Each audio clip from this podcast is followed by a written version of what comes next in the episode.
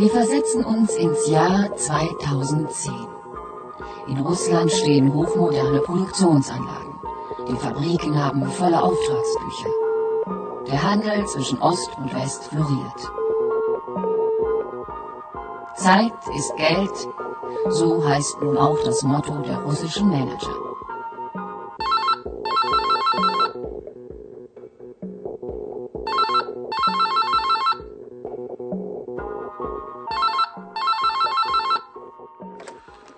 Jürgen Schneider, Spedition Europatransporte, Filiale Berlin. Guten Morgen. Herr Schneider, hier ist Netko von Autosawat Chimki. Wo bleibt meine Sendung? Bei uns ist die Hölle los. Wir warten schon den ganzen Morgen auf die Motoren aus Deutschland. Wie stellen Sie sich das vor? Hier steht die komplette Autoproduktion still. Die Motoren sollten längst da sein. Wann ich verstehe ja Ihre Aufregung, Herr Snetkov. Äh, jetzt sagen Sie mir doch erst einmal genau die Frachtnummer der Sendung und wann sie eintreffen sollte. Die Motoren sollten um 6 Uhr heute Morgen mit dem Zug hier am Güterbahnhof Moskau ankommen. Von dort wollten sie einer ihrer LKWs abholen und zu uns nach Rimki bringen. Jetzt ist es 11 Uhr und nichts ist da. Ich werde wahnsinnig, wenn die Sachen nicht bald hier eintreffen. Meine Leute können nicht weiterarbeiten. Die Fließbänder stehen still. Wissen Sie, was das heißt? Die Nummer. Äh, hier. 506101. Moment, ich sehe schnell im Computer nach. Sendung 506101. Ja, von Berlin. Hier sehe ich, die Container mit den Motoren wurden mit dem LKW planmäßig zum Bahnhof in Berlin gebracht. Dort sind sie pünktlich verladen worden und mit dem Zug Richtung Moskau abgefahren. Es tut mir leid, ich muss da erst nachforschen, ob der Zug irgendwo stecken geblieben ist. Also normalerweise müsste die Sendung in 48 Stunden da sein. Ich, äh, ich rufe Sie sofort zurück. Ich warte darauf.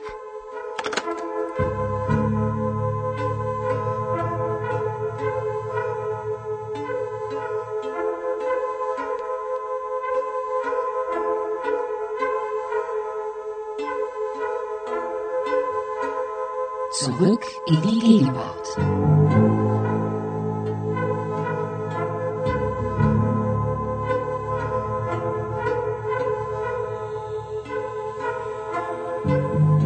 Heute ist es noch eher die Ausnahme, dass Waren zwischen Westeuropa und Russland mit dem Zug transportiert werden. Meistens entscheiden sich die Exporteure und Importeure für den Transport per Lkw. Rund 60.000 Sendungen werden pro Jahr mit dem Zug über die polnische Grenze Richtung Osten geschickt. Mit dem Lkw dagegen sind es etwa eineinhalb Millionen Sendungen im Jahr. Also gut 25 mal mehr als mit dem Zug. Die Lkw-Karawanen mit den Waren für den Osten rollen auf dem Weg nach Russland quer durch Deutschland und Polen. Nicht selten geht es auf den Autobahnen nur im Schritttempo vorwärts. Noch schlimmer sieht der Stau an den Grenzen zwischen Deutschland und Polen aus. Hier stehen die LKWs ein oder zwei Tage in der Schlange und warten darauf, dass sie die Grenze passieren können. Im Radio werden die Staus an der Grenze täglich gemeldet.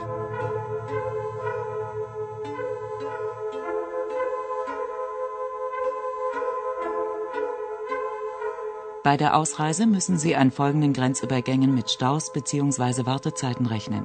Brandenburg, Grenze zu Polen, A12, Frankfurt-Oder, 35 Stunden für Lkw, 4 Stunden für Pkw. B1 Küstrin-Kiez, 18 Stunden für Lkw, 2 Stunden für Pkw. B166 Schwedt-Oder, 25 Stunden für Lkw, 2 Stunden für Pkw.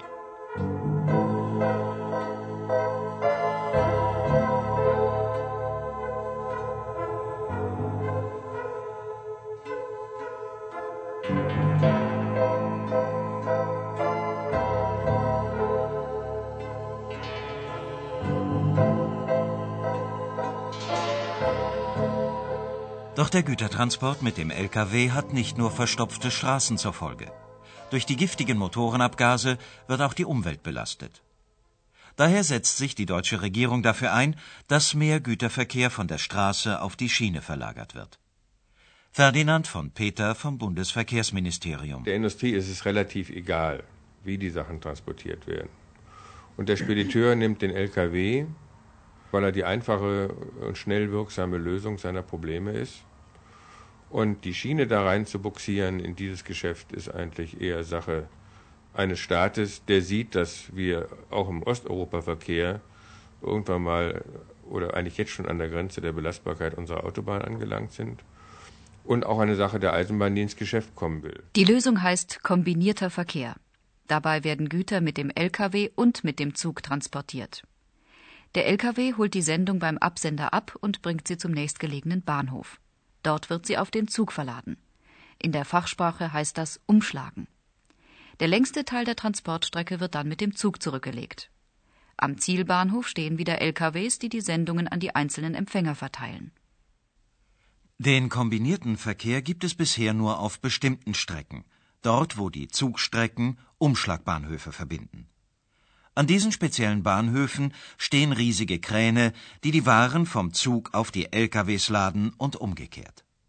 Solche Kräne und die Bahnhofsanlagen sind teuer. Das heißt, es muss viel investiert werden. Damit der Schienenverkehr gegenüber dem Konkurrenten Lkw überhaupt eine Chance hat, greift in Deutschland der Staat ein. Die Bundesregierung hat in den vergangenen zehn Jahren rund 700 Millionen Mark in den kombinierten Verkehr investiert. Eine Kapitalhilfe mit großer Wirkung. Ferdinand von Peter. Für 700 Millionen Mark können Sie normalerweise 50 Kilometer Autobahn bauen und mehr nicht. Und mit dieser Summe haben wir jetzt schon ein Drittel des echten Fernverkehrs über lange Strecken auf der Schiene.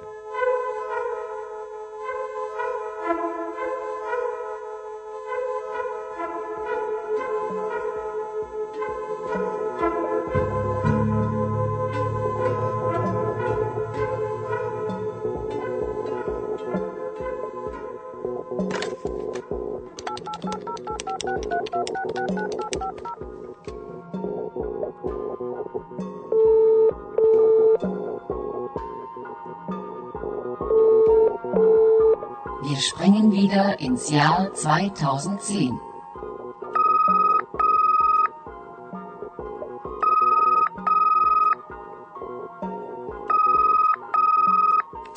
After Zawad Chimki, Snetkov? Ja, hier Schneider von der Spedition Europatransporte. Herr Snetkov, ich habe noch keine gute Nachricht. Wieso? Wir wissen im Moment noch nicht genau, wo sich Ihre Sendung befindet. Der Zug hätte längst in Moskau ankommen müssen. Ich habe hier alle Hebel in Bewegung gesetzt. Meine Kollegen forschen nach. Äh, sobald wir genaueres wissen, werden Sie informiert, Herr Snetkov. Wahrscheinlich träumen die beim Zollamt an der Grenze mal wieder vor sich hin. Oder die Frachtdokumente sind verloren gegangen. Herr Snetkov, ich bitte Sie. Die Abfertigung der Frachtpapiere an der Grenze ist heutzutage doch kein Problem mehr. Das läuft doch alles über Computer. Da geht nichts verloren. Ich habe mich natürlich bei einem Kollegen an der Grenze erkundigt. Die haben ihre Motoren pünktlich abgefertigt. Ihre Sendung ist schon in Russland, das hat mir der Kollege versichert. Ach, immerhin. In Russland sind die Motoren schon.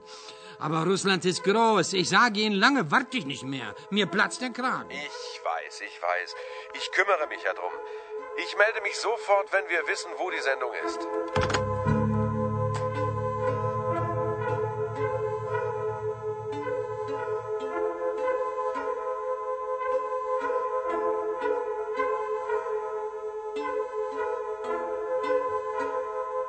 Zurück in die Gegenwart.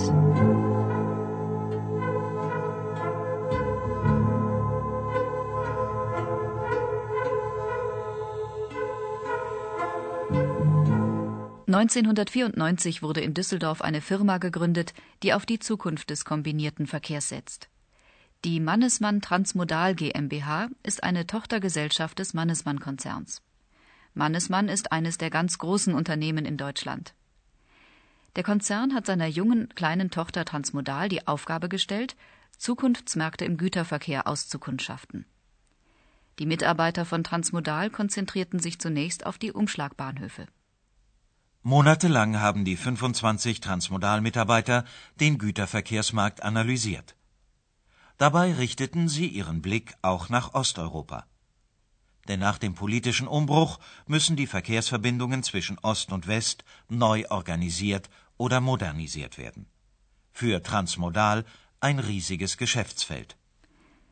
Noch sieht es für den kombinierten Verkehr im Osten nicht gut aus. In Osteuropa ist der Warenaustausch nach 1989 insgesamt stark zurückgegangen. Und der weniger gewordene Verkehr rollt größtenteils auf der Straße, ganz im Gegensatz zu früher. Vor der Wende musste der Güterverkehr auf der Schiene transportiert werden. Das war vom Staat so verordnet. Alexander Firsching von Transmodal ist optimistisch, dass der Verkehr im Osten bald wieder zunimmt. Wir haben zunehmend Joint Venture, wir haben Lohnfertigung im Osten, die billigeren Arbeitsplätze und allein dadurch wird es auch wieder dazu kommen, dass die Verkehre zunehmen.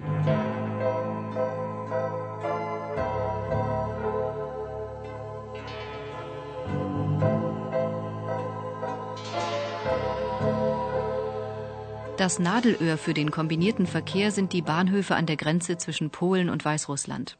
Denn an der Grenze wechseln die Spurbreiten der Schienen. Das bedeutet, kein Zug kann von Amsterdam oder Berlin bis Moskau durchfahren. Denn die russischen Gleise liegen genau achteinhalb Zentimeter weiter auseinander als die Gleise in Westeuropa. Die unterschiedliche Spurbreite hat historische, aber auch militärische Gründe. Die Eisenbahnsysteme in Russland und Westeuropa haben sich im vergangenen Jahrhundert unabhängig voneinander entwickelt. Aber auch für den Kriegsfall wollte man gerüstet sein. Wenn kein Zug hinter der Grenze weiterfahren kann, ist es für die gegnerische Armee schwieriger, ins Land einzudringen. Fällt der Zug als Transportmittel aus, ist auch der Nachschub von Kriegsmaterial schwierig. Noch heute heißt es deshalb an der Grenze zwischen Polen und Weißrussland für Personen aussteigen und warten und für die Container auf den Güterzügen heißt es umkranen. Die Container mit den Waren werden mit riesigen Kränen von einem Zug auf den anderen umgeladen. Und an der Grenze müssen auch die Formalitäten des Exportes und Importes erledigt werden. Das ist bürokratisch sehr aufwendig, denn die russischen Behörden verlangen völlig andere Dokumente als die Westeuropäer. Transmodal konzentriert sich derzeit auf den Grenzübergang von Malacewice in Polen nach Brest in Weißrussland. Denn diesen Grenzübergang überqueren 75 Prozent aller Container auf dem Zug zwischen Westeuropa und der GUS. Dann wollten wir natürlich nicht großflächig jetzt gleich alle möglichen Punkte ansprechen, sondern haben uns einen konkreten Punkt, nämlich Brest-Malaschewice, ausgeguckt und sind dort vor Ort zur Aufnahme der Problemstellung hingefahren. Im April 96 waren wir dort zu einer großen Präsentation in Malaschewice, wo die entsprechenden Vertreter von der polnischen, weißrussischen Seite eingeladen waren und denen wir unsere Systemlesung vorgestellt haben. Das heißt also für den Umschlag, für den Datentransfer und für die Organisation eines Terminals. Dies ist von der polnischen, weißrussischen Seite begrüßt worden. Kein Wunder, denn heute sieht es am Grenzübergang Malacewice-Brest trostlos aus. In einem riesigen Areal liegen auf jeder Seite der Grenze etwa zehn Umschlagstationen. Für Kohle oder Schüttgut werden natürlich andere Anlagen benötigt als für Fernsehgeräte oder tiefgekühlte Butter. Doch in Malacewice und Brest ist wenig los. Die Anlagen sind nur zu 30 Prozent ausgelastet. Unter den hohen, veralteten Krananlagen und zwischen den Gleisen wächst das Gras. Transmodal stellt sich vor, dass hier eines Tages der erste hochmoderne Bahnhof an der polnisch-weißrussischen Grenze entsteht, mit leistungsstarken Umschlaggeräten und modernsten Informations- und Kommunikationssystemen.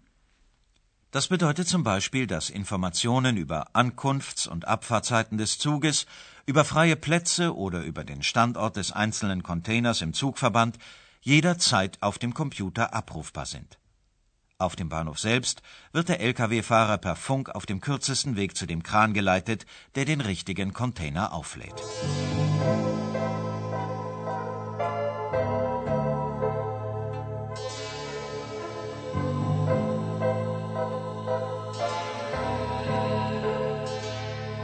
Doch noch ist nicht klar, ob Transmodal ins Geschäft kommt. Bevor sich überhaupt etwas an der heutigen Situation ändert, müssen die Mitarbeiter von Transmodal noch viel Überzeugungsarbeit leisten und Partner finden, die den modernen Umschlagbahnhof finanzieren. Um die Diskussion vor Ort voranzutreiben, organisiert Transmodal in Polen ein Symposium über den kombinierten Verkehr. Eingeladen werden alle beteiligten Partner, also die polnische und weißrussische Bahn, die Politiker aus Brest und Malacewice, Vertreter der Verkehrsministerien der Länder, Speditionen und Verkehrsexperten. Auf dieser Tagung sollen die derzeitige Situation analysiert und Lösungen für die Zukunft gesucht werden. Alexander Firsching. Erster Ausgangspunkt ist die Analyse der Ist-Situation. Welche aktuelle Marktsituation herrscht vor? Welche Entwicklungen sind da? Welche Engpässe von Kapazität, Infrastruktur sind zu befürchten? Um dann eben Ableitungen und Handlungsempfehlungen gemeinsam mit polnischen Partnern von der polnischen Bahn, von polnischen Betreibern von Kombiverkehren wie auch mit der Industrie zu führen. Natürlich sind auch die Betreiber der Züge daran interessiert, dass sich an den Grenzbahnhöfen etwas verändert. Betreiber sind die Firmen, die den Güterverkehr auf den Zügen organisieren. Zum Beispiel die Firma Intercontainer Interfrigo, die gemeinsam mit anderen Unternehmen mindestens dreimal pro Woche einen Containerzug von Berlin nach Moskau fahren lässt. Gustav Schulze von Intercontainer Interfrigo erklärt seine Interessen. Mit einem moderneren System an der Grenze wäre es möglich, den Zuverlässigkeitsgrad wesentlich zu erhöhen. Diese alten Geräte sind störanfällig. Es gibt also Verzögerungen allein durch die technischen Pannen. Bei einem modernen System könnte man gleichzeitig den Kommunikationsfluss verbessern. Heute nutzt das eine oder das andere nichts weil der Aufenthalt ja dann so oder so, entweder aufgrund der Technik oder aufgrund der Dokumente des Informationsflusses, so lange dauern muss. Also man muss beide äh, Varianten verbessern.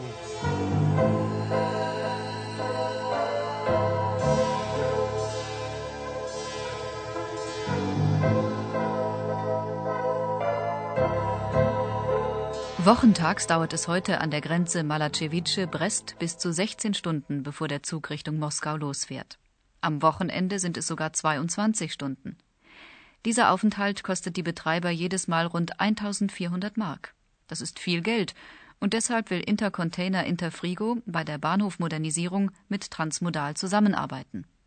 Gustav Schulze. Wir streben natürlich an, dass äh, die neuen Anlagen gleich auch mit modernster Technik ausgestattet werden um auch hier wieder Zeit zu gewinnen und Zuverlässigkeit äh, präsentieren zu können.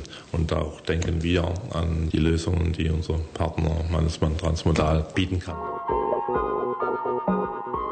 Wenn es für Transmodal optimal läuft, dann könnten die Beteiligten auf dem Symposium beschließen, eine sogenannte Machbarkeitsstudie durchzuführen. Eine Studie also, die zeigt, was machbar, was realisierbar ist.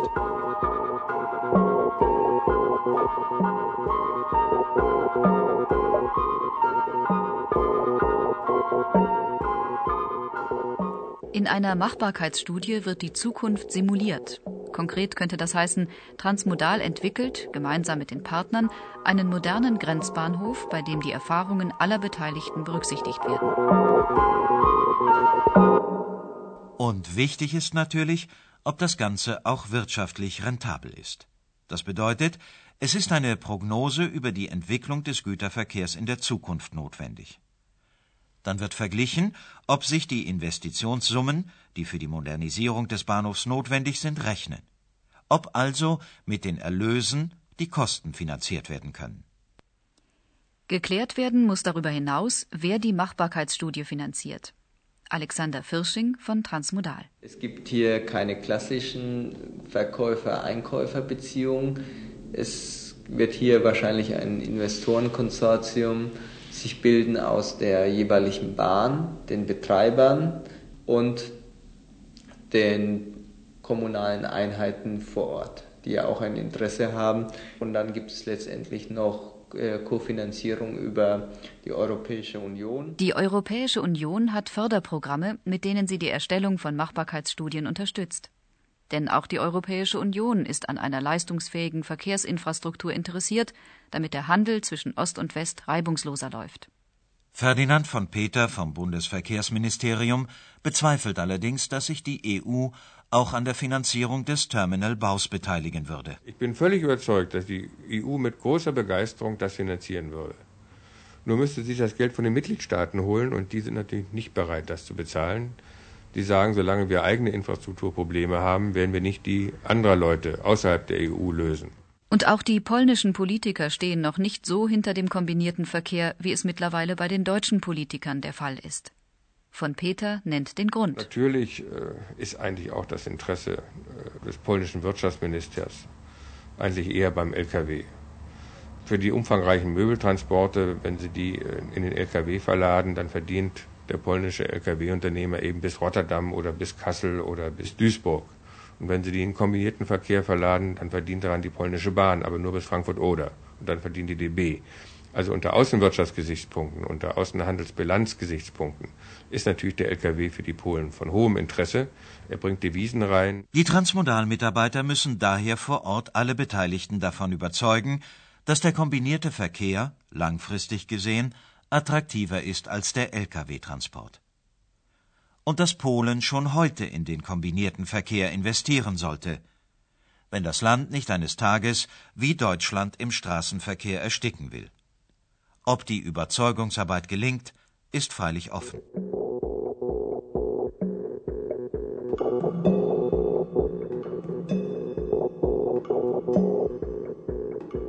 Wenn trotz aller Schwierigkeiten für Transmodal alles optimal läuft, dann könnte Ende 1998 mit dem Bau eines modernen Terminals begonnen werden.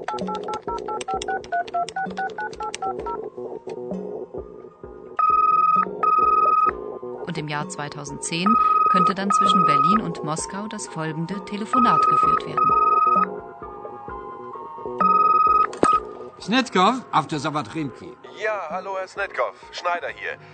Also, Ihre Sendung ist vor wenigen Minuten am Bahnhof Moskau eingetroffen. In höchstens zwei Stunden steht unser LKW vor Ihrer Fabrikhalle und Sie haben Ihre Motoren. Ach, na, das ist ja wunderbar. Was war denn los? Sie haben doch sicher von den schweren Gewittern gehört. Hinter Minsk. Dort sind Bäume umgeknickt. Die Strecke war total gesperrt und musste erst geräumt werden. Auch unser Kontakt zum Zugführer war völlig abgebrochen. Ach, großer Gott. Zum Glück ist der Zug nicht entgleist. Der Fahrer hat rechtzeitig die Notbremse gezogen. So hatten wir nur eine Verspätung von fünf Stunden. Der Zug konnte einfach nicht schneller in Moskau sein. Na, da kann ja wirklich niemand etwas dazu. Das ist ja höhere Gewalt. Also, ich bin heilfroh dann geht es hier auch bald weiter. Vielen Dank für Ihre Mühen. Schon gut, schon gut. Äh, ach, übrigens, ich habe hier noch einen Auftrag. Wir müssen 300 Autos von Moskau nach München senden. Am Mittwoch um 10 Uhr stehen sie abholbereit in unserer Fabrik. Wann wären Sie denn mit dem Zug in München?